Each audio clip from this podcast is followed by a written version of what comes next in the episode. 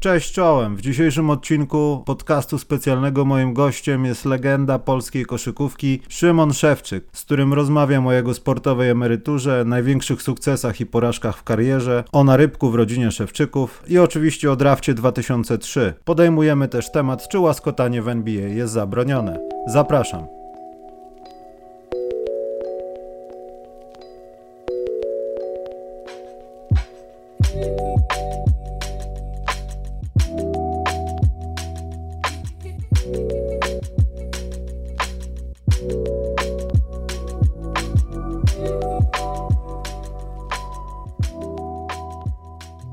Dzień dobry, panie emerycie. A dostałeś kiedyś od emeryta? Nie jestem w tym wieku, że emeryci są w moim wieku, dlatego czekam. Cześć. Witam serdecznie. Jak się bawisz? No, ja na razie się będę, znaczy ja będę bawił się bardzo dobrze. Mam kilka niewygodnych pytań do ciebie. Trudnych pytań, boomerskich pytań. Będzie śmierdziało naftaliną Bengejem, dlatego otwórzcie okna. Zapach będzie się ulatniał z tego materiału, myślę. Nie ma tak. problemu. Jak kiedykolwiek sobie wysmarujesz e, nogi final golem, to możemy Ojej, będziemy rozmawiali też o kontuzjach, bo je, o, o, jedną rzecz od pięciu lat nie miałem okazji cię zapytać. A może cię pytałem, ale może ludzie też by chcieli o tym posłuchać, ale przede wszystkim pierwsze pytanie takie na świeżo, jak to jest z tą twoją emeryturą? Ty do tego przywykłeś jakoś? Czy to, czy to był taki proces, że no już orientowałeś się, że wiek, jedna, druga kontuzja, mniej czasu gry, jestem bardziej guru mentorem na ławce niż gościem, co biega, bo już ciało nie niesie, czy, czy, czy boli po prostu? E, jeżeli chodzi o, o emeryturę, to cały czas e, człowiek gdzieś jest przy tej koszykówce i to jest fajne. Mam możliwość współkomentowania e, wydarzeń koszykarskich i to na, na różnych platformach czy w różnych telewizjach od Pucharów właśnie Europy po Ligę Hiszpańską, po NBA, to jest, to jest dla mnie fajne. No natomiast, no mówię, od kilku lat y, dałem sobie już y, w głowie, jak gdyby, i zdawałem sobie sprawę, dałem sobie już ten czas, że to jest, to jest koniec i kiedyś musi się to e, skończyć. I, i zrozumiałem i naprawdę nie miałem problemu z tym jakoś bardzo, e, jak to, jak to się zakończyło. A dla mnie najważniejsze w tym wszystkim jest to, że E, zostałem uhonorowany, czyli mój numer został zastrzeżony pod dachem hali mistrzów we Wrocławku, gdzie według mnie i tutaj zdaję sobie sprawę, że ktoś może powiedzieć, że nie, że zupełnie, ale od tych 30 lat, kiedy, kiedy Anvil jest w elicie, od powiedzmy 20 lat, kiedy, kiedy grają na, na, na tej hali, E, to tam praktycznie za każdym razem jest komplet e, ludzi, tak. Bardzo rzadko było, strzelam poniżej 60 czy 70% e, wypełnienia i to jest coś niesamowitego. Bycie uhonorowanym swoją koszulką pod dachem w takim miejscu. Czy to i tak, i tak by nastąpiło, nawet gdyby udało się dogadać rzeczy transferowe, czy, czy po prostu to, to mogłaby być jakakolwiek inna drużyna? Spełniając oczywiście jakieś twoje wymagania, wiadomo, no ale z ofertą. Jeżeli chodzi o, wiesz, e, o ostatni, o ostatni sezon, nie, to już e, człowiek chciał e, zostać, zostać tutaj i tutaj właśnie zakończyć karierę, a mówię, a podziękowanie na pewno ślę w kierunku Igora, który, który to mm, był inicjatorem, mówię tutaj oczywiście o Igorze Gryszczuku, który był inicjatorem właśnie tego przedsięwzięcia zamieszczenia koszulki pod dachem. Miałem propozycję przed e, poprzednim sezonem na jak gdyby pełny kontrakt na cały sezon, ale nie zdecydowałem się na to, bo, bo chciałem właśnie rozegrać ten ostatni sezon w Anvilu i powiedziałem to wcześniej, że taka jest właśnie e, moja e, idea zakończenia kariery. Mówię, trochę szybko to się nastąpiło, natomiast no, bo ostatni mecz rozegrałem 14 grudnia 2022 roku. Liczyłem na to, że dogram ten sezon cały do końca. Stało się inaczej, ale no, widocznie tak miało być po prostu. To jest biznes i tyle i ja to doskonale rozumiem. Ja tak a propos zakończenia karier z powodów zdrowotnych, to ja pamiętam chyba 2018 rok, Puchar Polski w Warszawie na Ursynowie. Szymon Szewczyk, twardy chłop. Ja widziałem pierwszy raz coś takiego w życiu. Być może nie widziałem wszystkiego, ale pierwszy raz się z czymś takim spotkałem, że to bardziej ludzie piszczeli, płakali, kiedy odbijali się od Szymona Szewczyka. A tu Szymon Szewczyk w jakiejś takiej dziwnej sytuacji biegł, nie biegł, podskoczył, po prostu upadł na bok. Ja z mis dla mediów słyszałem naprawdę twoje jęknięcio, pisknięcio, cokolwiek można to nazwać z bólu, więc oznaczało to, że y, Szymona Szewczyka naprawdę boli i wtedy szczerze mówiąc myślałem, że no chłopa nie poskładają już. To już będzie tak, że jest trochę za stary na to, wygoi się, ale dalej coś będzie nie tak. I szczerze mówiąc myślałem, że to będzie wtedy, bo pierwszy raz widziałem cię w takim no, omen, omen w położeniu takim. No, E, na, Dosyć długo leżałeś tam, stary, powiem ci. no wiesz co, no, łokieć był wywinięty do boku i do, do zewnątrz, tak to nazwijmy, bo to było skręcenie stawu łokciowego, e, bo zewnętrzną, boczne, jakoś tak to się tam nazywa, wiesz, doktor, doktor Błoński by wiedział najlepiej, więc tutaj też chylę czoła e, dla niego i jego, jego umiejętności, bo naprawdę poskładał mnie bardzo, bardzo dobrze. Ja wiem, że zawsze wszystkim, tobie też, będzie za mało, ale czy uważasz, że przez no, te kilka dekad spełniłeś się jako koszykarz? Tak, naprawdę. Jeżeli chodzi, jeżeli chodzi o to, to, to nie, nie, ma, nie ma co narzekać. E, życzę każdemu, żeby chociaż miał w jakim, jakiejś części, w jakimś ułamku taką karierę jak ja. Tyle lat spędzić e, za granicą, być e, w różnych miejscach, w różnych klubach e, i nie tylko człowiekiem od podawania ręczników, tylko człowiekiem, który jest oczywiście mm, graczem zagranicznym i od którego oczekuje się pewnego poziomu. No ja ten poziom, e, można powiedzieć, dawałem, tak, no bo skoro 14 lat grałem za granicą, no to znaczy, że coś, coś jednak potrafię. Troszeczkę, troszeczkę tylko. Ale powiedz, nie tak zupełnie poważnie, jak, jak to wyszło, bo to tam taka historia z agentami i tak dalej, e, ten pierwszy twój wyjazd za granicę, nazwijmy to. Twój pierwszy kontakt z jakimś takim, no nawet ofertami. To uważasz, że mógłbyś, czy cokolwiek byś zmienił z tych rzeczy? Na pewno mógłbym zmienić, tylko wtedy y, mój światopogląd i wiedza na temat koszykówki europejskiej, na temat tego całego biznesu, tak, tego wszystkiego, jak to jest skonstruowane, była naprawdę bardzo mizerna.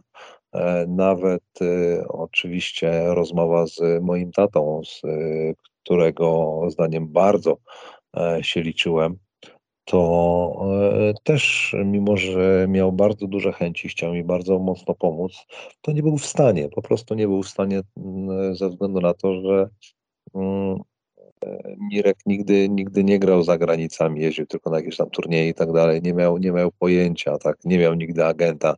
Wiesz, e, ten świat, kiedy, kiedy Mirek grał w kosza, kiedy ja zacząłem, e, e, to były dwa zupełnie różne światy. Potem oczywiście było coraz e, więcej internetów, Facebooków i innych rzeczy, gdzie można było się dowi- dowiadywać, no ale ta przygoda z koszkówką powiedzmy już gdzieś tam się zaczęła, więc e, pewne decyzje oczywiście mogłem zmienić, ale po co się nad tym teraz za- zastanawiać? E, Nad tym mogę się zastanawiać tylko względem e, powiedzmy moich dzieci, dla których moje doświadczenie e, będzie jak gdyby no moim, moim przykładem i moją lekcją, a im będę po prostu przekazywał e, wszystkie moje, moje uwagi, moje spostrzeżenia.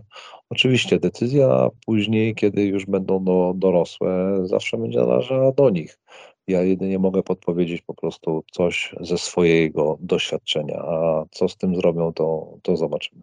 Bo tam w sekcji juniorskiej Szewczyków to tam się coś dzieje. Ja widziałem, że tam Nie, no E. tak, jak najbardziej. Tak, i, i, i co? I będzie jak, jak z tatą? To będzie taki silny zawodnik, co bardziej operuje na bólu, cierpieniu zawodników, na tych, na tych no pick and rollach, chociaż ja, ja nazywam to Wiesz no, co, na razie- zabronionymi prawem zagraniami bardzo często, wiesz, to jest brutalizacja w stanie, piękna rzecz to jest, ale czy to, czy myślisz, że to jest jakaś droga dla, dla twojego narybku, czy to będzie zupełnie inny gracz, jeśli będzie? Wiesz co, będzie na pewno bardzo dobrym e, zawodnikiem. Ja tylko jak na razie trzeba, trzeba oczywiście na to też patrzeć troszeczkę inaczej, troszeczkę szerzej. Emilio gra jak na razie bardzo dużo na piłce. E, nie wyróżnia się może jakoś specjalnie wzrostem, bo też gra w drużynie e, z chłopakami, którzy są rok czy dwa lata starszymi, tak, więc, e, więc tutaj wiesz, tu jest, tu jest ten problem jak gdyby wzrostowy, nie wyróżnia się, ale to mówię, to jest na razie. On ma po prostu na razie chłonąć tą koszkówkę, te dobre rzeczy, Mm, które, które te fundamenty są przydatne, natomiast to, jak on sobie z tym radzi, czy z presją, czy z graniem ze starszymi, naprawdę radzi sobie rewelacyjnie. Życzymy powodzenia. E, życzymy, żeby był w NBA, a nie był tylko w drafcie, tak jak tata. No dokładnie, żeby chociaż dostał gwarantowaną umowę. Ja miałem dokładnie. pozycję niegwarantowanej umowy, z której nie korzystałem, ale to mówię, to był mój E, z jednej strony błąd, ale z drugiej strony po prostu podjęta de decyzja świadomie na dzień e, wtedy, który, e, jakby to powiedzieć, na ten dzień miałem takie informacje i taką wiedzę i podjąłem po prostu taką, a nie inną decyzję.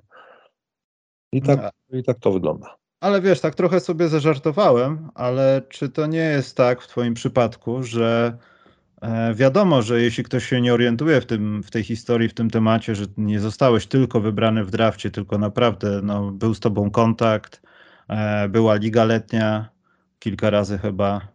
Tak.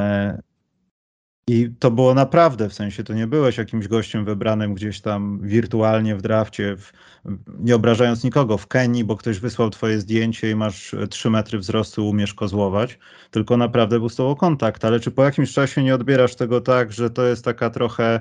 Ja to po czasie chyba odbieram jako negatywną łatkę, że głównie Szymon Szewczyk, gość wybrany w drafcie, tym drafcie 2003 i padają nazwiska tam, ale tak. czy nie uważasz, że to nie tyle, co w jakiś zły sposób yy, jest wpisem w Wikipedii w twojej karierze, tylko czy to się jakoś do ciebie w Polsce nie przykleiło i to taki w zły sposób? Wiesz co, ja tego tak nie odbieram. Zawsze, zawsze, że tak powiem, znajdą się malkontenci, zawsze znajdą się maruderzy, którzy jak będą chcieli, to zawsze gdzieś coś wyciągną. Ja naprawdę przeżyłem niesamowitą przygodę. E, mogłoby się potoczyć zupełnie inaczej, gdyby y, były inne decyzje, tak, e, wiadomo, czasami trzeba wybrać, idziesz albo w prawo, albo w lewo. Jeżeli pójdziesz w prawo, no to już w lewo nie możesz się cofnąć, już wybrałeś w prawo i wtedy znowu masz, e, jesteś na rozdrożu ewentualnym i masz e, dwa wybory, trzy wybory i musisz, musisz to wybrać, tak?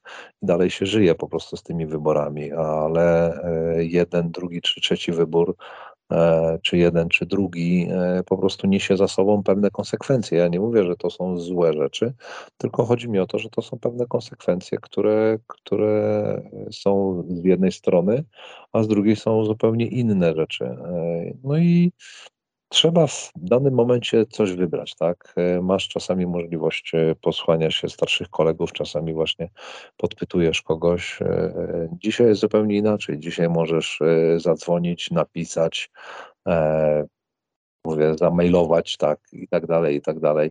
Dzisiaj świat tak naprawdę stoi otworem i jak tylko masz chęci, to jesteś w stanie wygooglować, wyserczować wszystko tak naprawdę, a nawet znaleźć gdzieś jakiś telefon, Skype'a, e, numer telefonu na, wiesz, na Whatsappie czy jakkolwiek na Facebooku, Instagramie i po prostu kogoś zadzwonić, na, e, napisać, zapytać się dokładnie o ten temat, który Cię interesuje lub ewentualnie rozwiać, rozwiać wątpliwości, które masz czy Bucks byli jak gdyby jedyną ekipą, która w jakikolwiek. W ogóle, czy to wyglądało tak, że odzywały się do ciebie zespoły, które są tobą zainteresowane przez agenta, bądź też w jakiś inny sposób, czy zostałeś dopiero poinformowany, że byłeś w puli draftu i wybrało cię Bucks? Nie, nie, nie. Ja miałem, ja miałem 12 workoutów, 14 dni, dokładnie jeden po drugim. Podróżowałem z dnia, codziennie podróżowałem do innego miasta. E, miałem rano workouty, e, popołudniami z reguły le, leciałem do kolejnego e, miejsca, gdzie, gdzie przechodziłem potem różne tam badania, treningi miałem i tak dalej. Więc dzięki temu poznałem Michaela Jordana w Chicago, poznałem Phila Jacksona, z którym trenowałem przez dobre dwie lub nawet trzy godziny, bym powiedział, w Los Angeles Lakers. E, wiesz, y, było naprawdę wielu y, znakomitych ludzi, których gdzieś tam e, widziałem ukradkiem, przeszli, e, czy ewentualnie też miałem możliwość styczność z nimi, porozmawiania, przywitania się, podania ręki, zrobienia sobie e, zdjęcia, bo z Philem Jacksonem mam, mam gdzieś to, to zdjęcie. Natomiast to mówię, wtedy, e, w tamtym okresie, wiesz, e, nie było telefonów komórkowych, tak jak dzisiaj wyciągasz z kieszeni, pstryk, walisz zdjęcie i wstawiasz sobie na, na story, tak. Wtedy po prostu trzeba było wyciągnąć, e, mówię, śmieję się, ale wiesz, Zorkę 5, tak, i, i powiedzieć, przepraszam, czy mogę sobie z panem zdjęcie zrobić, no to wiesz, no to, no tak to, tak to wyglądało, były, miałem cyfrowe takie aparaciki, e, taki jeden malutki, ale no to jakość tego zdjęcia, to, to dzisiaj e, Kalkulator. znajdziesz coś, cokolwiek tak, o tak słabej jakości zdjęcia, naprawdę. To jest drugie nurtujące pytanie z tego rocznika draftu. Czy to prawda, że ograłbyś Macieja Lampę jeden na jeden? Powiedz, że tak. Dlaczego mam ci po- powiedzieć, że tak? No bo wybrali go wyżej, bo był przy- taki okres. Czy, czy który z nich jest lepszy? Na, nawet który więcej zagra w NBA? Ja pamiętam, że były takie nagłówki w raczkującym internecie, wiesz, sportowym. Tak, tylko że Maciej zupełnie pochodził, wiesz, z innej, e, można powiedzieć, innej półki. Maciej przyszedł e, z Realu Madryt, tak, ze szkółki, gdzie tam był problem z jego wykupieniem ewentualnym, e, dlatego mimo, że był o wiele wyżej brany pod uwagę, no bo ludzie mieli do niego lepszy dostęp, tak, Real Madryt, Hiszpania, wiadomo, agenci, skauci i tak dalej.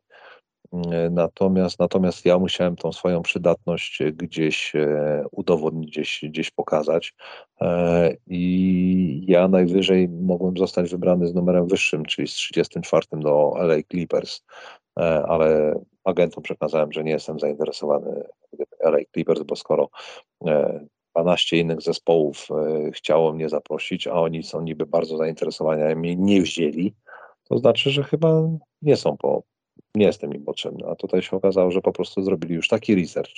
Potem oczywiście po latach się dowiedziałem, że oni zrobili już taki research. Oni wiedzieli dokładnie wszystko, co, jak i gdzie. Obserwowali mnie przez cały ten e, sezon gry w Braunschweigu, że nie potrzebowali, żebym ja przyjeżdżał. Ale no szkoda, że nawet nikt się ze mną nie spotkał, bo w Los Angeles pamiętam byłem e, przez dwa dni i m, e, mogłem wtedy mogłem wtedy e, z kimkolwiek się spotkać.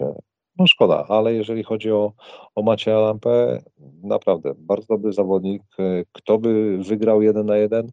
Wiesz co, konkurowaliśmy czasami e, na kadrze, e, graliśmy przeciwko sobie w Rosji, więc niejednokrotnie ja byłem górą, czasami on, ale tak, żeby dać, wiesz, piłkę i zagrać dokładnie do jednego kosza, powiedzmy do pięciu, jeden na jeden.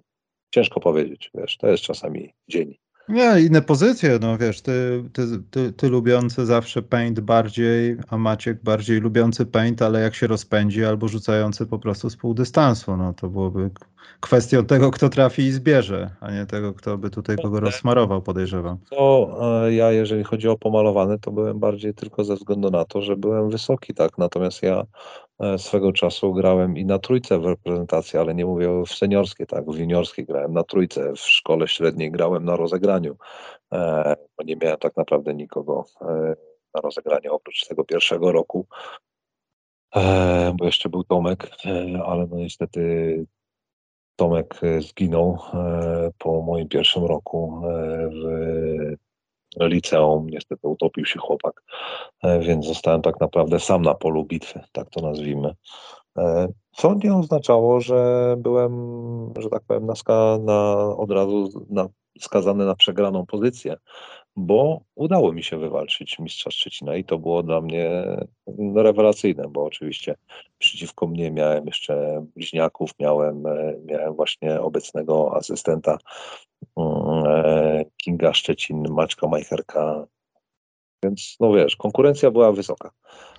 No ale wiesz, fizyczność fizycznością, ale no pchnięcie kulą, wiesz, chór to nie jest żaden dowód, że ktoś będzie grał w post, wiadomo. Nie, no to jest oczywiste, wiesz, żeby mieć szóstkę z muzyki i mi się udało. Taki był mój cel, więc można powiedzieć, że się poświęciłem, ale było warto. Ale pchnięcie kulą już wymaga sprawności fizycznej. Moje pytanie jest takie, czy to twoje ciało wymogło twoją grę i twoją pozycję, czy, no nie wiem, mówiłeś o rozgrywaniu piłki w juniorskich czasach, czy gdzieś w jakimś momencie w kadrze, gdziekolwiek indziej wcześniej może doprowadziło to już do takiego nakierowania, jestem Szymon Szewczyk i będę rąbał i siekał pomalowane. Czasem rzucę z pół dystansu, ale bójcie się tam w środku.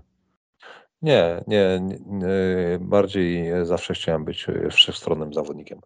Dobrym obrońcą przede wszystkim e, miałem problemy z pewnymi ruchami lateralnymi, jeżeli chodzi o obronę, w szczególności gdzieś tam pick and rolla, powrót.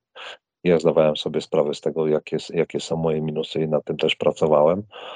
E, ale jeżeli, jeżeli miałem jakiekolwiek minusy, to chciałem po prostu je gdzieś ukryć e, lub wiesz. Koszkówka to jest też gra błędów, tak? Kto, kto tych błędów popełni mniej, kto wymusi ich więcej, będzie, będzie po prostu schodził z parkietu jako, jako zwycięzca. Więc y, popełnianie błędów jest normalną, naturalną rzeczą, ale zawsze je można naprawić czymś dobrym, e, czy w obronie właśnie, czy w ataku i zawsze starałem się być wszechstronnym, nie tylko być ukierunkowanym, tak jak mówisz, gdzieś tam na masowanie się e, w pomalowanym. Takim człowiekiem w mojej karierze, przeciwko któremu grałem, to był na przykład Kaspar Kambala, Łotysz, który oprócz, bym powiedział, właśnie e, rąbania, siekania ludzi e, w pomalowanym, raczej nic więcej nie, nie umiał, e, bo po zakończeniu kariery też poszedł dalej rąbać i siekać, ale w MMA gdzieś tam. Mhm. tym wiem. Ale ci którzy, ci, którzy znają i wiedzą, o jakim zawodniku mówię, to zdają sobie sprawę i, i się uśmiechają w tym momencie, bo wiedzą, że Kaspar Skambala no, był człowiekiem po prostu od zadań specjalnych. No, myślę, że on tam dalej jest do zadań specjalnych. Być może, ale no, to, był, to był czołg. To naprawdę był wielki tankowiec. W takim razie, panie emerycie, pan powie, bo te pytania są zadawane zawsze tym, którzy kończą karierę. Albo na przykład mówią, że kończą, jak Michael Jordan potem wracają. Wszystko jedno. To zacznijmy może od dobrych rzeczy. Największy sukces twój w karierze. Największy Nawet jak miałeś 17 lat, jeśli możemy to zaliczać do kariery, może być pchnięcie kulą. Bo ja na przykład bym chciał cię oglądać na jakichś igrzyskach, gdzie grasz w Anwilu, ale mówisz, przepraszam, panie trenerze, ale w wakacje jadę na igrzyska, będę sobie pchał albo w dziesięcioboju jakimś Szymon Szewczyk. Wiesz co, e, wtedy kiedy zdobyłem właśnie Mistrzostwo Województwa dam Szczecina w płynięciu kulą, e, pojawił się taki temat, bo człowiek, który był gdzieś tam trenerem właśnie w jakiejś kadry wojewódzkiej, podszedł do mojego taty mm, e, i to właśnie Mirek jest bardzo dobry w opowiadaniu tych wszystkich właśnie historii i powiedział, że on chce mnie do, do kadry wziąć, na co oczywiście Mirek powiedział, że chyba Chyba sam siebie nie słyszysz, tak. Chyba się z kimś na łby zamieniłeś. To będzie koszykarz i tyle, chociaż e, swego czasu też byli tacy, którzy uważali, że ze mnie koszykarz będzie mizerny albo, albo żaden. E, ale się szybko przekonali o tym, że nie mieli racji. Według mnie no, wybór, wybór w drafcie jest chyba największym sukcesem, tak. E, bo jest wielu mistrzów powiedzmy Europy, Polski, czy jak, jakichś zdobywców e, różnych pucharów, którzy nigdy nie zostali wybrani w drafcie i nigdy nie zagrali w NBA. E, może nie chcieli, może cokolwiek. Mi się udało. W takich czasach, w jakich ja żyłem, e, zwykły chłopak z Polski po prostu pojechał i pokazał trochę dobrego basketu, pokazał, że Polacy też e, potrafią grać w, ko, w koszykówkę. Ten szlak gdzieś tam przetarł Cezary Trybański i to też było, wiesz, e, bardzo istotne i bardzo fajne. Ale przepraszam, wiesz co, tu się wtrącę. Chciałbym kiedyś z Czarkiem też nagrać o tym podcast, bo a, Czarek był gwiazdą okolicznej koszykówki na Bemowie, czyli mojej okolicy. E, B. Wszyscy wiedzieli, co się z Czarkiem działo, czyli były kłopoty w Pruszkowie, nie do końca branie się, łapanie do dwunastki, E, chyba ekstraklasowej Legii, nie chcę kręcić, ale Czarek miał kłopoty z tym, żeby wychodzić na boisko w ekstraklasie. I my nagle siedzimy na boisku pod szkołą Natomiego i dowiadujemy się, że Czarek już nie będzie przychodził, no bo z Czarkiem grało się jak z Łębajamą. Kto jest z Czarkiem jest ekstra. Rzucasz do góry, e, bo Czarek miał mało okazji do grania i po prostu podejrzewam, że chciał po prostu z kimś pograć. I o. nagle on idzie do NBA. I nagle tutaj powstało pytanie, jak to? No wiesz, on jest wysoki, szczupły, ma jakiś tam rzut, nas może gotować w tego kosza, ale no, z profesjonalistami potrafił mieć problem, więc albo powstają dwa pytania, albo był gotowany z jakiegoś powodu w tym składzie, bo coś tam, albo miał dobrego agenta. I tak, i nie, ale natomiast chodzi tutaj o to, że Czarek Trybański poszedł bez draftu, z tego co kojarzę chyba, prawda? To jest, to jest coś, y, wiesz, y, niesamowitego, tak? Chłopak, tak jak mówisz, mający problem e, z łapaniem się do składu, czy nie grający aż, aż tak dużo, ale z tego co pamiętam, tam był, tam był trener, jakiś Grek, czy ktoś, który miał dobre właśnie kontakty, e, ktoś go w końcu zaprosił na jakiś tam workout do, do NBA. E, Czarek e, na tych indywidualnych workoutach wyglądał bardzo imponująco, tak, tak, tak słyszałem. Natomiast e, nigdy właśnie nie, nie grał gdzieś tam 5 na 5, cokolwiek e, i tak dalej. Podpisali kontrakt, e, zaczął właśnie grać w NBA i nagle się okazało, że Czarek może nie jest aż tak rewelacyjny, jakby się wszystkim zdawało, ale to i tak jemu nic nie ujmuje. On tam się dostał, nieważne jak, ważne, że. Podpisał kontrakt na kilka milionów, pozwoliło mu to, e, można powiedzieć, ustawić się e, do końca życia. Jest teraz, e, ma swoją fundację, jeździ po Polsce, pokazuje, że tak powiem, koszkówkę tym wszystkim dzieciakom. I to jest, i to jest coś pięknego, to jest coś fajnego, więc mimo, że jakiejś wielkiej kariery indywidualnej nie zrobił, teraz realizuje się w różnych programach i, i widać, że ma z tego fan i to jest, to jest fajne. Po pierwszym roku, kończąc już to, tą dygresję z nim, yy, po pierwszym roku pamiętam, że któryś z moich znajomych mówił, że się z nim widział i pokazywał mu taką książkę, co było wielkim zaskoczeniem w Polsce. Taką książkę, jaką dostaje indywidualnie zawodnik, dotyczące, w tej książce były wiadomości, wiadomo, dietetyczne, co może jeść, w jakie dni, tam jakieś rozpiski, ćwiczenia na siłowni podobno tam były też rozpisane i e, paradoksalnie Czarek zaczął grać lepiej, lepiej w kosza niż grał wcześniej. No wiadomo, no to było konsekwencją tego, że trenuje z najlepszymi, nazwijmy to, To oczywiście. albo znacznie lepszymi od tymi, z którymi było mu trenować wcześniej, ale pamiętam, że to było szokiem takim poznawczym trochę, że każdy zawodnik ma indywidualne ćwiczenia i to była dosyć pokaźna książka, w której było wszystko pod czarka, który no nie za specjalnie, delikatnie mówiąc, nie miał dużej roli w grze drużyny. A mimo wszystko dostał to. I to już dało do myślenia i Czarek naprawdę wyglądał lepiej pod względem fizycznym i sportowym, warsztatowym. Dobrze, to notuję. To nawet sezon w AZS-ie Koszalin oddałbyś za draft. Wszystko byś oddał, bo to draft to największy sukces. Dobrze, to ja to podkreślam tutaj. Nawet, no, a nawet gdyby ktoś ci powiedział, nie zagra pan nigdy w Anwilu, ale zagra pan pół sezonu w Bucks, to co wtedy? Kibice Anwilu słuchają ten moment najbardziej. Oczywiście. Z całym szacunkiem dla nich e, wybrałbym grę w Bucks. Kurczę. Czyli możemy powiedzieć, że Szymon Szewczyk jest jednym z tych dzieci lat 80., które zostały skażone NBA w telewizji, w telewizji czy, czy Szymon Szewczyk miał inne jakieś zainteresowania? Ta koszykówka to tak była, bo ojciec chciał, bo grał, bo e. Nie, jeżeli chodzi o, o skażenie e, puszkówką przez telewizor, to jak najbardziej. Budziłem się oczywiście w nocy, oglądając e, to na jeszcze telewizorze kineskopowym Dokładnie. jej, e, więc, więc jak najbardziej to zawsze mi imponowało. Szymon No. Szewczyk miał telegazetę, rozumiem, i korzystał z niej. O, oczywiście. Posłuchaj, czasami można powiedzieć, że nadal korzystam, jak przypadkowo włączę akurat ten przycisk. Bo ona działa dalej, bardzo ładnie. No, nie, no, no jak najbardziej, ale tutaj mówię, no bardziej, bardziej się śmieję. Ale wtedy oczywiście e, rano człowiek się budził i patrzył na przykład na telegazecie. Um, bodajże to był e, dwusetny lub trzysetny, to były zawsze strony e, sportowe. Tak, tak, tak, tak, tak. I tu trzeba powiedzieć, że to były te czasy, że wiadomo, da, nie było internetu, ale gazety drukowały z dw- jedno-dwudniowym poślizgiem wyniki nawet, więc tutaj było najświeżej. Można było się gdzieś dowiedzieć. Masz, e, masz rację, ale z jednodniowym opóźnieniem, wiesz co, był tak zwany dziennik chyba wieczorny, jeżeli dobrze kojarzę. To było tyle fajne, że to były z reguły najświeższe wiadomości, bo e, we wszystkich innych gazetach czy dziennikach te wiadomości pojawiały się na drugi dzień z rana, mogłeś dopiero je kupić. Natomiast tutaj już był e, jak gdyby rozpowszechniany, wiesz, wieczorem, nie? Więc to, było, to była zupełnie inna, in, inna rzecz. Natomiast no, wydaje mi się, że przegląd sportowy, wiesz, no, robił jednak e, robotę, tak, bo tam no, naprawdę były, były świeżynki, a wydaje mi się, że e, z drukowaniem to wiesz, oni czekali do, do ostatniej chwili, żeby podać te wyniki. Poza tym ty tam miałeś handicap, przynajmniej na początku. Ze Szczecina nie było aż tak daleko do Niemiec. Nawet nie trzeba było za bardzo jeździć, żeby coś tam obejrzeć na ZDF-ie czy coś, wiesz. Mieliście łatwiej.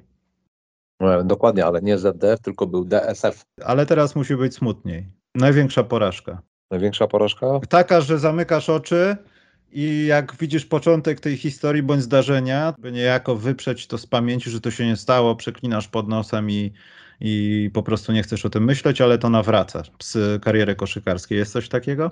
E, Kontuzja łokcia. Tak? Tak. Czyli dobrze to rozpoznałem, że to był największy ból w twoim życiu prawdopodobnie, bo zwykle nie piszczysz. Dokładnie tak, tak jak mówisz. A taka boiskowa, ale nie dotycząca kontuzji, jakiś rzut w ostatniej sekundzie, jaka jest zbiórka zmarnowana, osobiste. Mm, wiesz co, nie.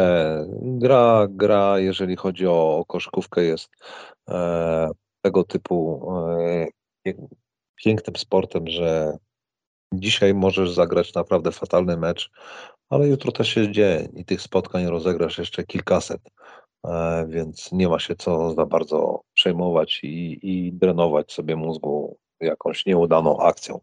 Chociaż wiadomo, że no, znalazłoby się kilka jakichś tam różnych mm, sytuacji w całej karierze, e, gdzie można by było, że tak powiem, lepiej to zrobić, czy tak jak mówisz, wykorzystać ten rzut, jakąś zbiórkę, zastawienie, jakkolwiek. Ale to jest, to jest tylko gra, to jest tak jak powiedziałem wcześniej, to jest suma po prostu Twoich błędów. Na błędach można się uczyć, trzeba z niego wycią- wyciągać wnioski, z nich wyciągać wnioski i po prostu iść dalej. Ale y, w, w jakim kontekście ta kontuzja była porażką? W sensie, że to było jakieś takie zrządzenie losu najbardziej negatywne w tym charakterze. Wiesz co, bo po prostu znowu los jak gdyby wytrącił mnie z fajnego etapu, gdzie musiałem e, wrócić do, do dyspozycji, musiałem znowu udowadniać to, że jednak jest ze mną wszystko ok, że jednak potrafię grać w kosza. E, To no, te kontuzje, które, które miałem, e, można powiedzieć, kończą kariery, tak, wykluczają ludzi z dalszej gry. Mi się udało wrócić za każdym razem. To naprawdę, jeśli ktoś może gdzieś wejść w jakieś archiwa, to niech nie wchodzi, niech nie ogląda, bo, bo tam, tam nawet widać pewne rzeczy. No. Nie polecam. Naprawdę, to chyba dobrze było, że to było, stało się w Warszawie, szczęście w nieszczęściu, że miałeś blisko gdzieś, żeby cię przetransportować do specjalisty, co? Nie jeździłem po Warszawie. W dwóch Tak? szpitalach byłem dopiero w trzecim, że tak powiem, e, e, do odpowied w, w odpowiednie ręce, tak to nazwijmy. To w takim układzie porozmawiajmy chwilę o NBA, panie Szewczyk.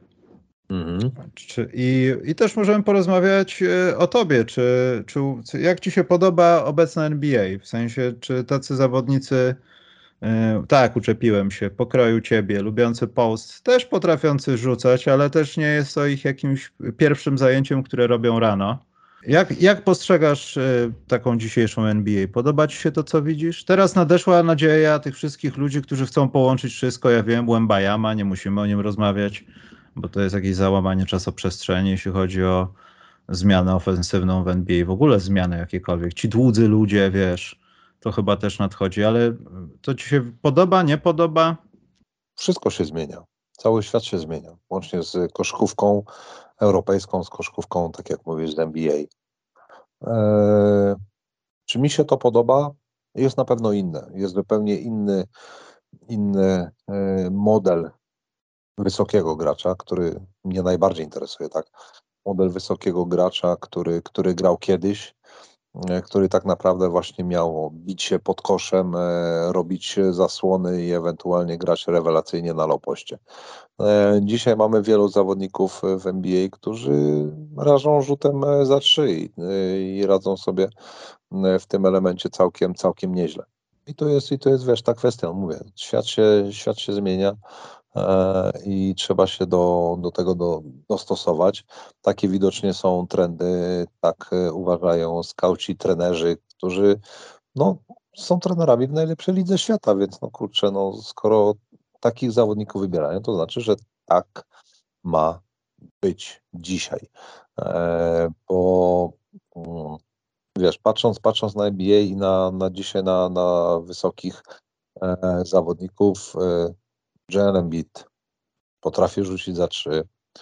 E, Janisa Totokumpo potrafi rzucić za trzy, potrafi rozgrywać. E, Jokic, to samo w sobie wystarczy powiedzieć Jokic, więc wszyscy wiedzą dokładnie. Hmm. Chłopak robi triple-double. E, Wiesz, i ty, i ty, no nie wiem, kogo jeszcze. Antony Davis też potrafi rzucić za trzy, potrafi zagrać tyłem do kosza, przodem do kosza, e, asystować, tak. LeBron James oczywiście też jest e, wysoki, ale no, gra z reguły na pozycji powiedzmy 2, 3, 4 ma, maksymalnie, ale z reguły to jest 2, 3. Powiedzmy, to jest jego nominalna pozycja. E, Brook Lopez, tak. E, też jest zawodnikiem, który rzuca za trzy. No więc, więc mówię, jest tego, jest tego od groma, ale są też zawodnicy, którzy tego rzutu w ogóle nie mają, e, a cały czas gdzieś są w NBA, więc widocznie tacy zawodnicy gdzieś komuś pasują, jakiemuś e, trenerowi i, e, i pasują do, do jego filozofii, do jego patrzenia na zespół, to co, to, co chce mieć. I tyle, tak? Bo na przykład, no nie wiem, Clint Capella czy rzuca za trzy? No nie ale robi rewelacyjną robotę. Ale wiesz, też y, jesteśmy już chyba z drugiej strony w takim już miejscu, że to, to co zrobiło Golden State Warriors tam w poprzedniej dekadzie, nazwijmy to, y, już nie jest takie szokujące. Stało się po latach normą. Wszyscy do, dążyli do tego, żeby dorównać do oryginału i zrobić kilka brzydkich transferów, żeby podwy... szybsze tempo. W zeszłym sezonie no, szokujące wartości punktowe. I nagle teraz y, pojawiły się Mistrzostwa Świata, gdzie Amerykanie udowodnili, że nie posiadając żadnego wysokiego, nie da się nic zrobić w dzisiejszej koszykówce na świecie. Y, takiego z wysokiego, który jest pod koszem i zbiera, bo oni tego absolutnie nie mieli. Jeden zawodnik by poprawił ich y, los diametralnie. Może nie bardzo tak diametralnie, że wygraliby wszystko 20 punktami, ale przynajmniej by nie było jakiś. A, szkoda gadać. Oglądałem to całe, byłem zjespaczony. E, a z drugiej strony pojawiają się te potworki, które będą pod koszem, trzeba będzie ich blokować, trzeba będzie się masować i nagle wiesz, e, te, te sytuacje, kiedy ci wysocy są potrzebni w takim właśnie profilu brudnego zawodnika, okaże się, że to niedługo chyba będzie najcenniejszą pozycją na boisku. Bo tak jak powiedziałeś, każdy rzuca za trzy punkty, ale niedługo nie będzie komu zbierać, bo już nawet w pick and rollach robi się tak, żeby wysoki był przygotowany na switch, a nie był zasłoną przed switchem. Uh mhm. -huh. Więc on musi zostać na górze, więc automatycznie w wielu takich przypadkach oznacza to, że albo on jest wycofany do zbiórki i czasami jest pierwszy w kontrze, albo, albo ma pójść głębiej i odpuścić zawodnika, bo ktoś go gdzieś tam przechwyci. I wydaje mi się, że teraz będzie właśnie takie zapętlenie, wiesz. Są spostrzeżenia na, na temat właśnie taktyki. Możesz mieć taktykę taką, e, gdzie masz dobrego, wysokiego, na tyle mobilnego, że nie da rzucić za trzy, nie będzie łatwa penetracja przeciwko niemu, możesz zrotować, a nawet jeżeli rzuci gdzieś tam przez ręce, to przy ewentualnym niecelnym rzucie e, dystansowym, bo to też nie jest łatwo wyrzucić przez wysokiego e, jemu powiedzmy w twarz, czy, czy przez ręce i trafić, to wtedy masz innych zawodników, którzy po prostu robią tą właśnie, e, nazwijmy to, tą brudną robotę, czyli gdzieś zastawianie, zbieranie. Zawodnicy na pozycji numer 2, 3, 4. Więc to mówię, to wszystko zależy od profilu zawodników oraz e, od tego, e, jaki masz pomysł na dany zespół. To panie ekspercie telewizyjny, pana jeden zawodnik który dostałby tak, taki puchar imienia Szymona Szewczyka w NBA. Taki jeden puchar jednemu zawodnikowi, który gra teraz. Podchodzi pan Szewczyk i daje puchar, że akceptuje tą robotę. Joel Embiid. Czemu nie Jokić? Bo Joel Embiid. No, a ja pytam, czemu nie Jokić? Posłuchaj. Nie, tak szczerze, Jokić bardziej przypomina mi ciebie właśnie, bez urazy, nie? Ale takiego gościa, który, no widać jest kawał chłopa z niego silny jest, ale może on tak nie do końca w niektórych miejscach. Jak mówisz, to nie do końca, nagle się okazuje, że on potrafi więcej niż ty powiedziałeś nie do końca razy. No, no tak. Ale wiesz co, na pewno wszyscy się zachwycają Jokiczem. Jest dokładnie, jest wielu zawodników, którzy nie mają możliwości pokazania wszystkich swoich umiejętności, właśnie widzenia e, partnerów tak, na boisku, ewentualnie właśnie podawania, kozłowania i tak dalej, i tak dalej. Natomiast y, dlaczego powiedziałem Joel Embiid, a nie właśnie Jokic, to, że zawsze coś mi gdzieś brakuje u Embida, e, a w szczególności kiedy właśnie komentuję spotkania NBA, e, patrzę na niego już od kilku lat i właśnie zastanawia mnie ten, ten jeden fenomen, czemu ten chłopak zawsze nie gra na, na 100%. To mnie zastanawia. Może on się nacierpiał po prostu i on, to jest jego 100%. Wiesz, no ciężko, ciężko mi, mi stwierdzić, ale kiedy jest naprawdę skupiony i na 100% gra, to jest, to jest, no jest niesamowity, jest nie, nie do powstrzymania. Najgorzej e, dla mnie jest to, że no niestety trafia na samych głąbów e, według mnie, których ma wokół, wokół siebie, w szczególności w drużynie. I szkoda, że właśnie Filadelfia wygląda tak, jak wygląda. E, bo Ben Simmons, czy powiedzmy Harden, którym nic nie ujmuje koszkarsko. Naprawdę bardzo dobrzy zawodnicy. Każdy ma inny profil, jeżeli chodzi o to, ale no nie ma, to nie jest ta drużyna, która, która powinna być, tak? E, w której jakiejkolwiek innej, gdzie ten zespół byłby naprawdę fajnie pokładany, miałby innych mm, normalnych ludzi e, z normalnym nastawieniem właśnie na, na ciężką pracę, nie fachowanie się, na, na odstawianie jakichś numerów, e, to, to ten chłopak naprawdę jest, jest niesamowity, bo mówię, potrafi zebrać, potrafi zagrać przodem, tyłem do kosza, potrafi wiele, naprawdę wiele rzeczy, które, które Mm, inni, inni nie potrafią. Natomiast mówię, Jokic jest mistrzem swojej, swojej niezdarności, tak bym to nazwał. To jest pozorna niezdarność. No, dlatego, dlatego mówię, on, on wygląda tak, jakby mu się nie chciało, jakby ledwo biegł, jakby wiesz, ledwo kozłował po prostu, a ten rzut to po prostu niech to będzie rzut rozpaczy. Kozuje, trafia, zbiera, e, widzi kolegów. No, no, no przechwytuje. No, no jest niesamowity. Jest naprawdę jest niesamowity w tej swojej niezdarności.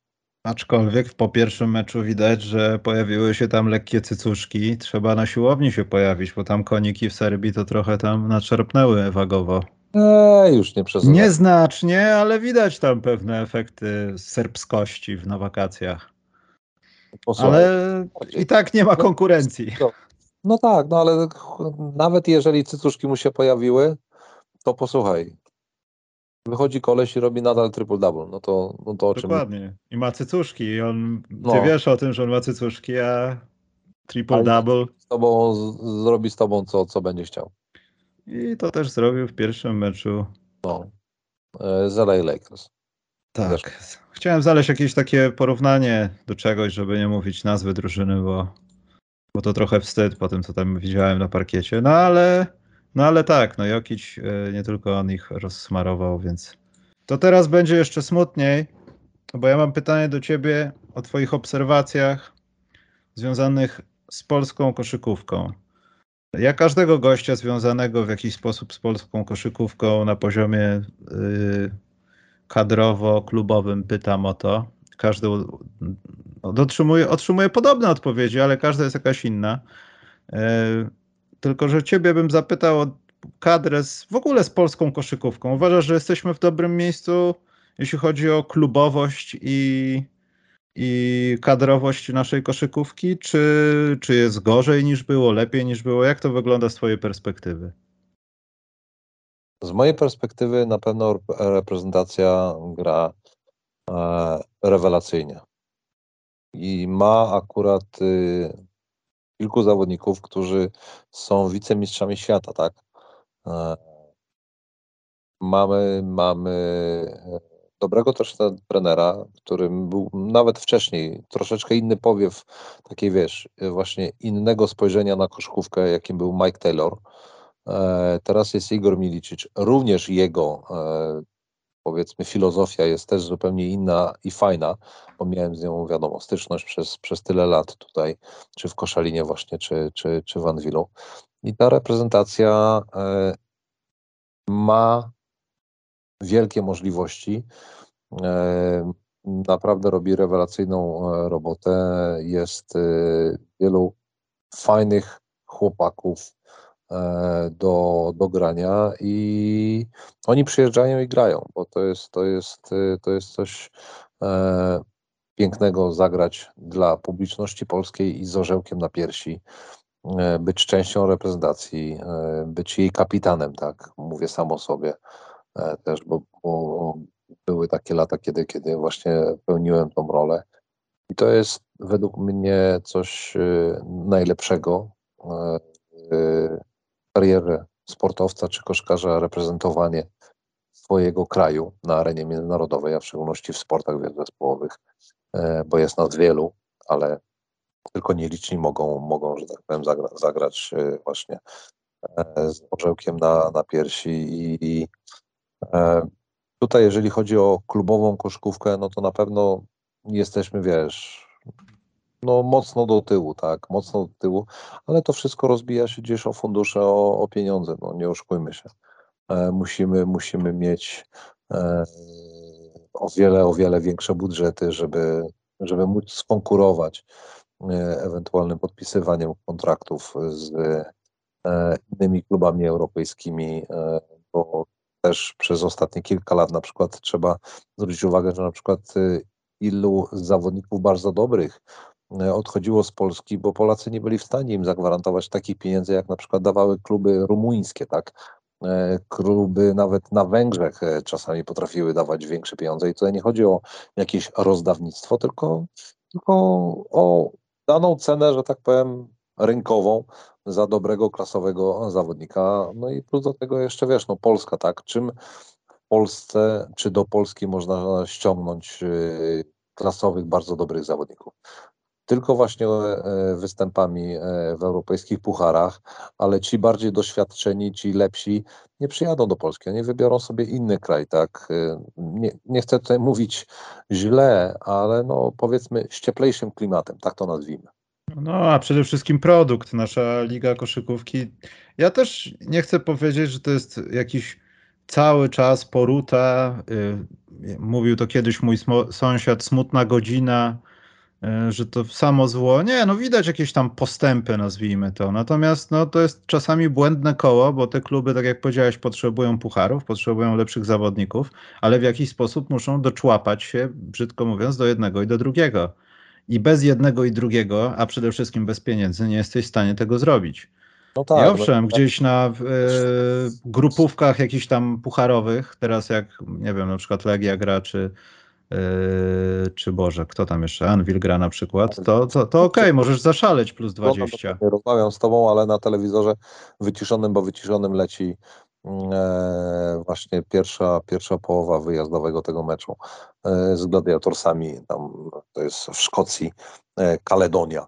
No właśnie, i te spotkania grupowe kończą się blowoutem, ale potem zagrają z jakimś średniakiem z e, Bułgarii, Rumunii, czy kogoś, kto tam y, przede wszystkim płaci, bo tu nie są waż, ważne rzucane sumy, tylko żeby de facto ci zapłacili, a u nas w Polsce różnie z tym bywa, uczciwie no, mówiąc. No, no, uczciwie mówiąc, zdajemy sobie wszyscy sprawę, e, jak to, jak to właśnie wygląda z tym e, płaceniem. A no mówię, w dzisiejszych czasach, jeżeli chcesz przyjść do jakiegokolwiek klubu, to wystarczy zadzwonić, e, spojrzeć, wchodzisz w Wikipedię, wchodzisz, nie wiem, Real GM, cokolwiek, tak?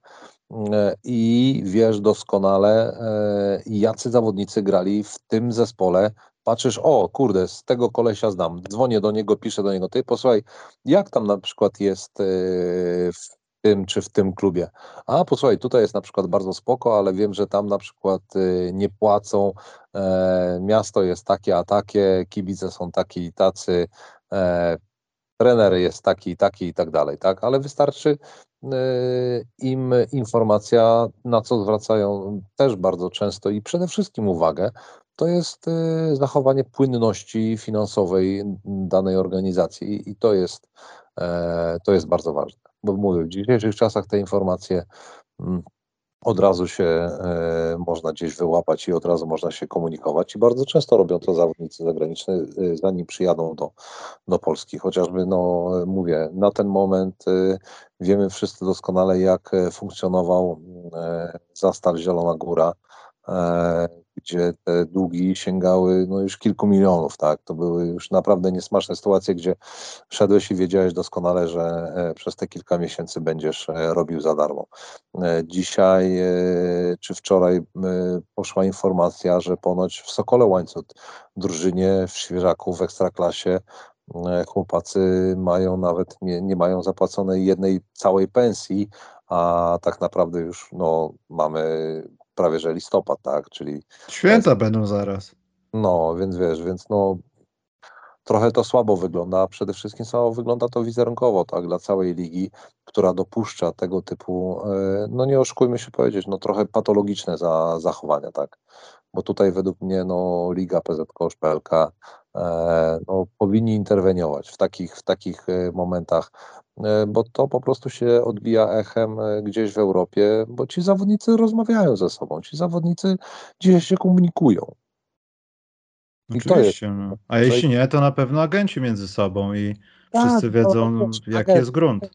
Posłuchaj, agent dostaje swoją prowizję bardzo często e, z reguły na samym początku. On podpisuje kontrakt i tam w przeciągu powiedzmy miesiąca ma dostać swoją, swoją dolę, jak nie, no to wtedy oni wiadomo, występują tam drogi sądowe, niesądowe, cokolwiek i tak dalej.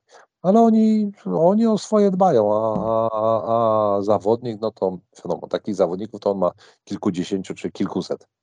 Jak tu nie dostaniesz, dobra, to pójdziemy do Batu, pójdziemy do jakiegoś tam STA czy cokolwiek i tak dalej. Po, poczekasz chwilę, zobaczymy, to wiesz, nie chcą się narażać, no bo chcą oczywiście kolejnych zawodników e, wrzucać do danego zespołu, e, ale no, no na tym to polega, no kurde, no jeżeli ktoś, e, wiesz, nie płaci, no to jeżeli jesteś uczciwy, a rzadko się to zdarza, nie oszukujmy, rzadko się to zdarza i jesteś fair wobec swojego mm, jakby, nie można powiedzieć, że Mo, no, no, tak, mocodawcy, tak, no bo e, zawodnik wynajmuje agenta, który ma mu ogarnąć klub, tak, pomóc mu w ogarnięciu klubu, e, czyli przekonanie ewentualnego e, trenera czy, czy menadżera o swoich umiejętnościach, czy podesłania klipów, ale również dbania o to, żeby ten kontrakt wyglądał w ten sposób, żebyś ty był odpowiednio chroniony.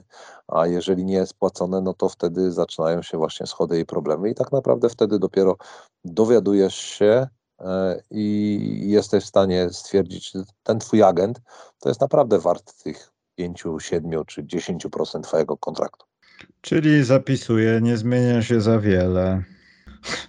Bo niestety takie są fakty smutne. No takie są fakty, no, ale mówimy tutaj tylko o faktach, bo wiesz, jeżeli kilka lat temu e, była jeszcze weryfikacja posezonowa czy śródsezonowa e, zespołów, jakkolwiek tam były, tam, tam były podpunkty A, B czy C, jakoś tak to było, na zasadzie e, e, składania oświadczenia tak klubu, że tak, nie zalegamy, E, że wszystko jest ok, a tutaj nagle, że tak powiem, są problemy, tak, okazują się z płatnościami i tak dalej.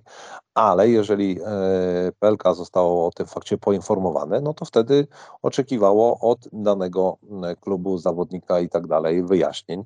No oczywiście, no powiedzieli, że nie są stronami, no ale w końcu ten podpunkt został przez e, zarząd PLK, można powiedzieć, wymazany, tak, wyrzucony z regulaminu. A kto zasiadał w zarządzie, wszyscy wiemy. E, komu najbardziej zależało na tym, wszyscy wiemy. No to jeżeli tak to ma wyglądać, no to kurczę, no to polska koszykówka zawsze będzie dostawała przysłowie po dupie od innych e, lig, gdzie oczywiście też są problemy finansowe. Jak najbardziej. Tylko jakoś one są po prostu widocznie e, inaczej normalnie załatwiane i nie ma tam pobłażliwości. Jeżeli nie płacisz, to znaczy, że nie jesteś w stanie grać i, i nie możesz e, uczestniczyć e, w danej lidze, a w szczególności wiesz, w najwyższych mm, rozgrywkach ligowych w danym kraju. I tyle. Tam jest krótka piłka. Dokładnie, a sytuacje też tam wyglądają tak, że to bardzo często nie zabiera ktoś pieniędzy w torbę i ucieka na Barbados, tylko to jakaś sieć powiązań. Ten sponsor zapłacił, bo trzeba było zapłacić tamte długi, teraz pozyskamy nowego albo coś się stanie, to zapłacimy poprzednie. Więc bardzo często to jest tak, że to nie jest, to jest po prostu nie niegospodarność, tylko brak umiejętności zarządzaniem, ale to się skupia do jednego, no po prostu, że ten klub nie działa jak powinien. No, przypadek Zastalu z początku sezonu, że gracze, którzy ja nie wiem do końca, czy byli opłaceni, pojawili pojawili się, ale nie mogli zagrać, bo Zastal miał Wiesz, postępowanie. patrz, patrząc na, na umowy, z reguły masz tak, że jeżeli e, odbędziesz jakąkolwiek jednostkę treningową już z zespołem, oficjalną jednostkę treningową, to twój kontrakt wchodzi w życie. No bo jeżeli- pracujesz, zacząłeś pracować. Tak, y, przylatujesz do, do zespołu, oni mają na przykład tam 48 godzin na to, żeby zrobić ci e, badania, potem mają przesłać e, wyniki tych badań, tak, czy wszystko jest ok i zgadzają się, że kontrakt wchodzi w życie, chyba, że e, zrobisz po prostu trening, tak, będziesz po prostu normalnie na treningu funkcjonował. Jeżeli taka rzecz następuje, to z automatu kontrakt wchodzi w życie, o tym jest informowany klub, zawodnik, agent, y, że e, ta jednostka się odbyła i tyle, tak? I wtedy kontrakt wchodzi w życie. Więc tutaj, że nie mogą e, kluby cię nagle zakontraktować, bo masz e, bana na, na transfery, co mnie to interesuje? Ja mam kontrakt z wami podpisany, a to, że wy mnie nie możecie zarejestrować.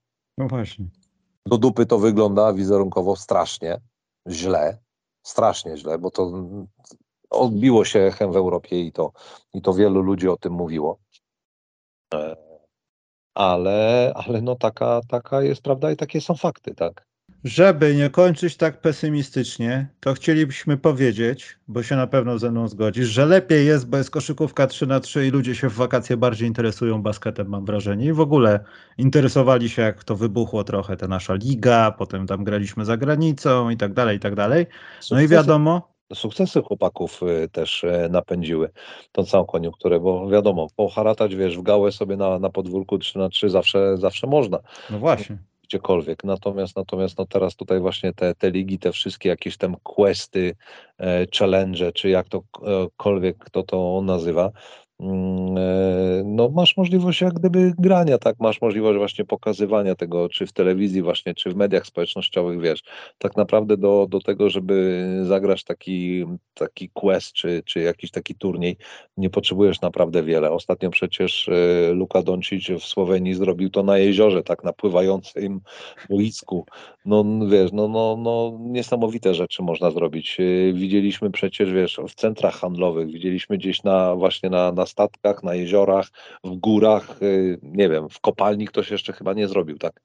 Ja więc- nie wiem, czy tam gdzieś w Wieliczce czy coś nie było czegoś takiego. To, to taka Dlatego- kopalnia jest, wiesz, ale no chodzi mi o to, że no, na, na, nie kojarzę, ale mówię, no, masz takie możliwości, żeby, żeby e, zorganizować taki turniej właśnie 3 na 3 gdziekolwiek.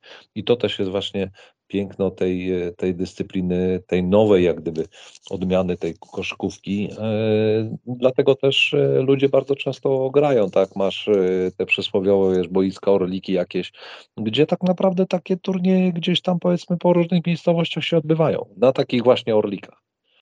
Ale to jest kolejny pozytyw. Polska liga może nie istnieć. Mamy Sochana w NBA. Ja mam wrażenie, że przez najbliższe dwa lata oni już nic nie muszą robić w celu popularyzacji koszykówki, bo mamy Sochana w San Antonio Spurs.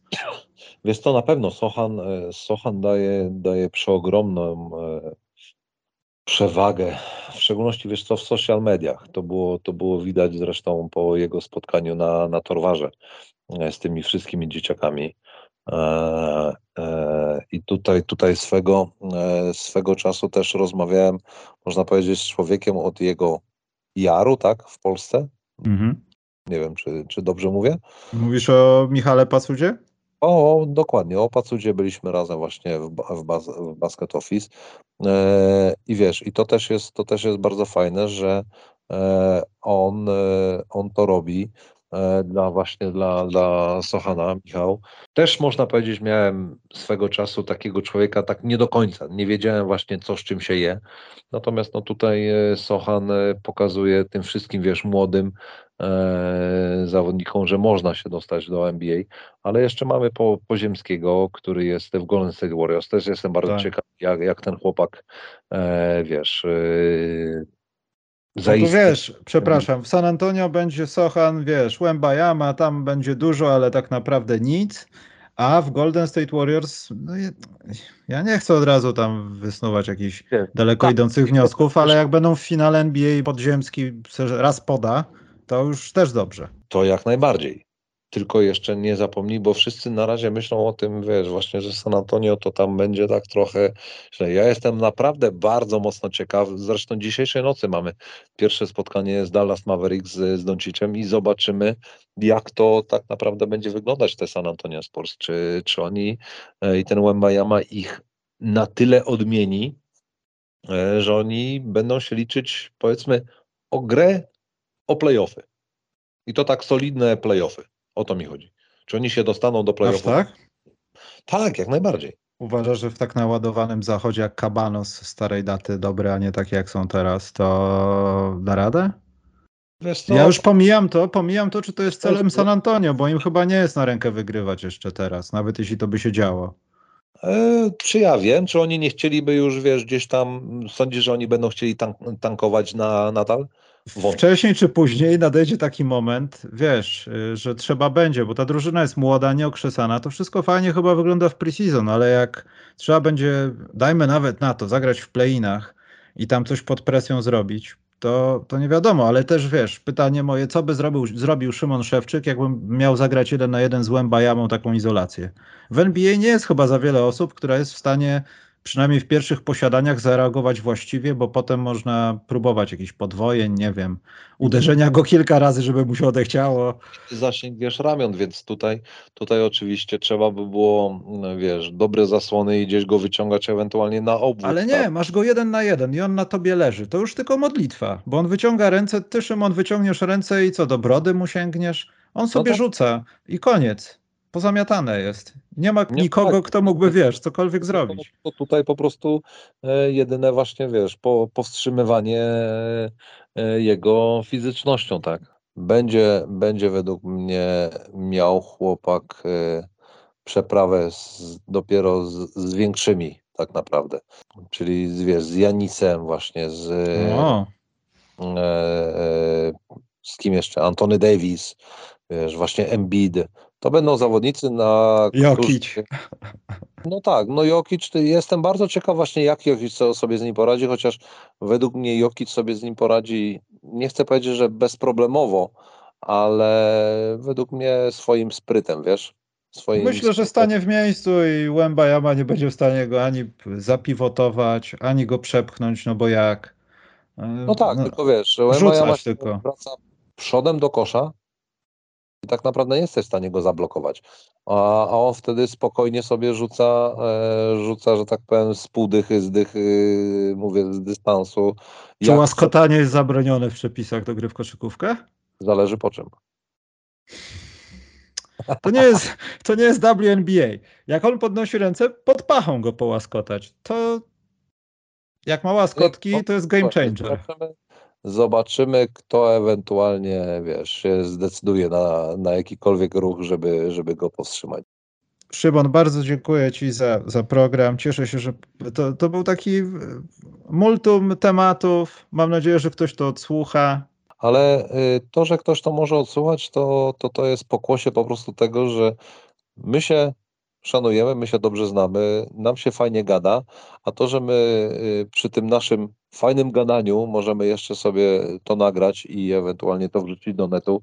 Jeżeli ktokolwiek dotarł do tego momentu, żeby to usłyszeć, to dziękujemy bardzo, że odsłuchałeś cały ten nasz podcast e, właśnie i e, Mam nadzieję, że troszeczkę uchyliliśmy jakiegoś rąbka tajemnicy lub coś, jakąś niepewność. E, Komuś gdzieś nadepnęliśmy na jakiś odcisk i to będzie bolało. E, Lub też komuś zrobiliśmy dobrze, przyjemność. Uśmiech wywołaliśmy na twarzy. Dlatego też chciałbym, bo tutaj kilka osób wiedziało, że z tobą będę nagrywał, chciałbym e, też dołożyć życzenia dla ciebie, żebyś na emeryturze nie zdziadział, brał udział w jakichś turniejach koszykarskich delikatnie, przynajmniej udawał albo cokolwiek, żebyś nie skończył jak Joe Dumars i e, żeby nie wyrzucili cię nigdy z telewizji, żebyś był stałym ekspertem w telewizji, nie jednej. Też mam, też mam taką nadzieję, też mam taką nadzieję. Wracając do tego, e, słucham, słucham dalej, bo ja jeszcze na końcu coś powiem od siebie. spełnienia wszystkich pasji i żeby nie doszło do takiego momentu, że żeby doszło właśnie do takiego momentu, że za jakieś no dobra, 10-15 lat będziesz płakał, bo twój syn jest lepszy od ciebie w kosza. I nie dlatego, że ograł cię jeden na jeden, tylko y, zauważalnie jest lepszy w kosza. Mam nadzieję, że dożyję takiego momentu i, i będę się cieszył, żeby moje pociechy e, realizowały się w swoich pasjach, e, w których e, będą się czuły bardzo dobrze. Chciałbym. A swoją drogą właśnie, e, tak jak mówisz, żebym dalej się realizował, żebym dalej robił. E, będę organizował e, kampy czy obozy treningowe dla młodzieży z całej Polski. Już pierwszy powinien jak gdyby cykl odbyć się w ferie, chociaż ferie są no niestety w Polsce tak to porobione, że różne województwa mają w różnych terminach, ale na pewno e, e, następne lato, tak, czyli w 2024 roku e, już będzie kamp pod jak gdyby egidą właśnie Szewczyk Basketball Academy. O kurczę. A będę mógł się zapisać, czy to jest Zapraszam serdecznie. w jakiej grupie będę? No właśnie tutaj e, geriatrycznej, a no niestety geriatria. To bardzo dobrze. Jeśli No. to jest ta grupa, to właśnie ona mi pasuje najbardziej. Bardzo No. się cieszę. Tutaj, tutaj będzie geriatria, ale tak naprawdę to będzie dla dzieciaków w wieku mniej więcej tak y, strzelam y, między 10 a 16 lat, tak, bo według mnie tutaj te, te podstawy i ta nauka właśnie koszykówki, doskonalenia pewnych swoich umiejętności jest y, kluczowa e, w tym wieku, tak, e, i tutaj, tutaj e, to jest mniej więcej ten, ten target. Zobaczymy, e, co z tego wyjdzie, bo zdaję sobie sprawę, że wszystkich tych obozów jest, jest bardzo dużo, ale tak jak ostatnio rozmawiałem właśnie z niektórymi trenerami, ja nie chcę robić tak przysłowiowej komerchy, ja chcę robić naprawdę dobrą robotę. Można powiedzieć tak jak każdy na obozie, ale każdy doskonale zdaje sobie sprawę, jak to, jak to czasami wygląda, a mi zależy na doskonaleniu e, pewnych umiejętności, cech e, u dzieciaków. Również e, dodatkowo właśnie to, co rozmawialiśmy wcześniej, są rozwijane pasje.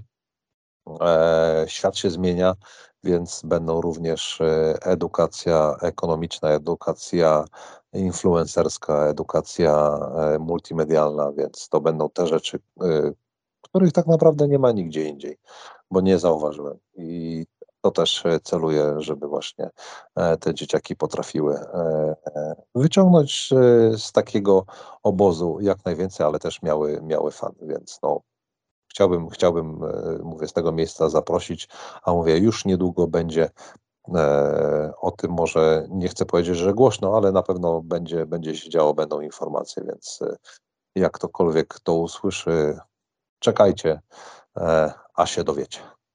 To ja trzymam kciuki i tutaj widać już czwany list zaplanował emeryturę już znacznie wcześniej. To wszystko wygląda na zaplanowane działania. Jestem pod wrażeniem. Wiesz co, i tak i nie. Ja wcześniej już e, współpracowałem, bo tak to można nazwać. Współpracowałem z różnymi e, klubami, organizacjami, jeździłem na, na różne właśnie takie, wiesz, e, czy turnieje, czy jakieś obozy jednodniowe. E, Trochę potrenowania z dzieciakami po to, żeby właśnie z, z nimi obcować, to jest po pierwsze. Po drugie, żeby gdzieś ta marka była rozpoznawalna, że nie ten człowiek to jest tylko ten, który gdzieś tam, gdzieś tam sobie siedzi, ale właśnie, żeby dzieciaki wiedziały, że mogą do mnie spokojnie, wiesz, podejść, pogadać o różnych pierdołach, o czymkolwiek, o koszykówce, o majsterkowaniu, o, wiesz, właśnie śpiewaniu w chórze, czy, czy nie wiem, samochodach, tak. E, może nie jestem dobry w gierkach e, e, na, na PlayStation, e, czy jakichś tam komputerowych, e, ale to spokojnie, to wydaje mi się, że z, z biegiem czasu się zmieni. Dzięki jeszcze raz za nagranie. Dzięki bardzo. Naprawdę, bardzo mi miło było. Szkoda, że wcześniej się nie udało, ale jak to mówią, jak kocha, to poczeka, więc warto było czekać na to.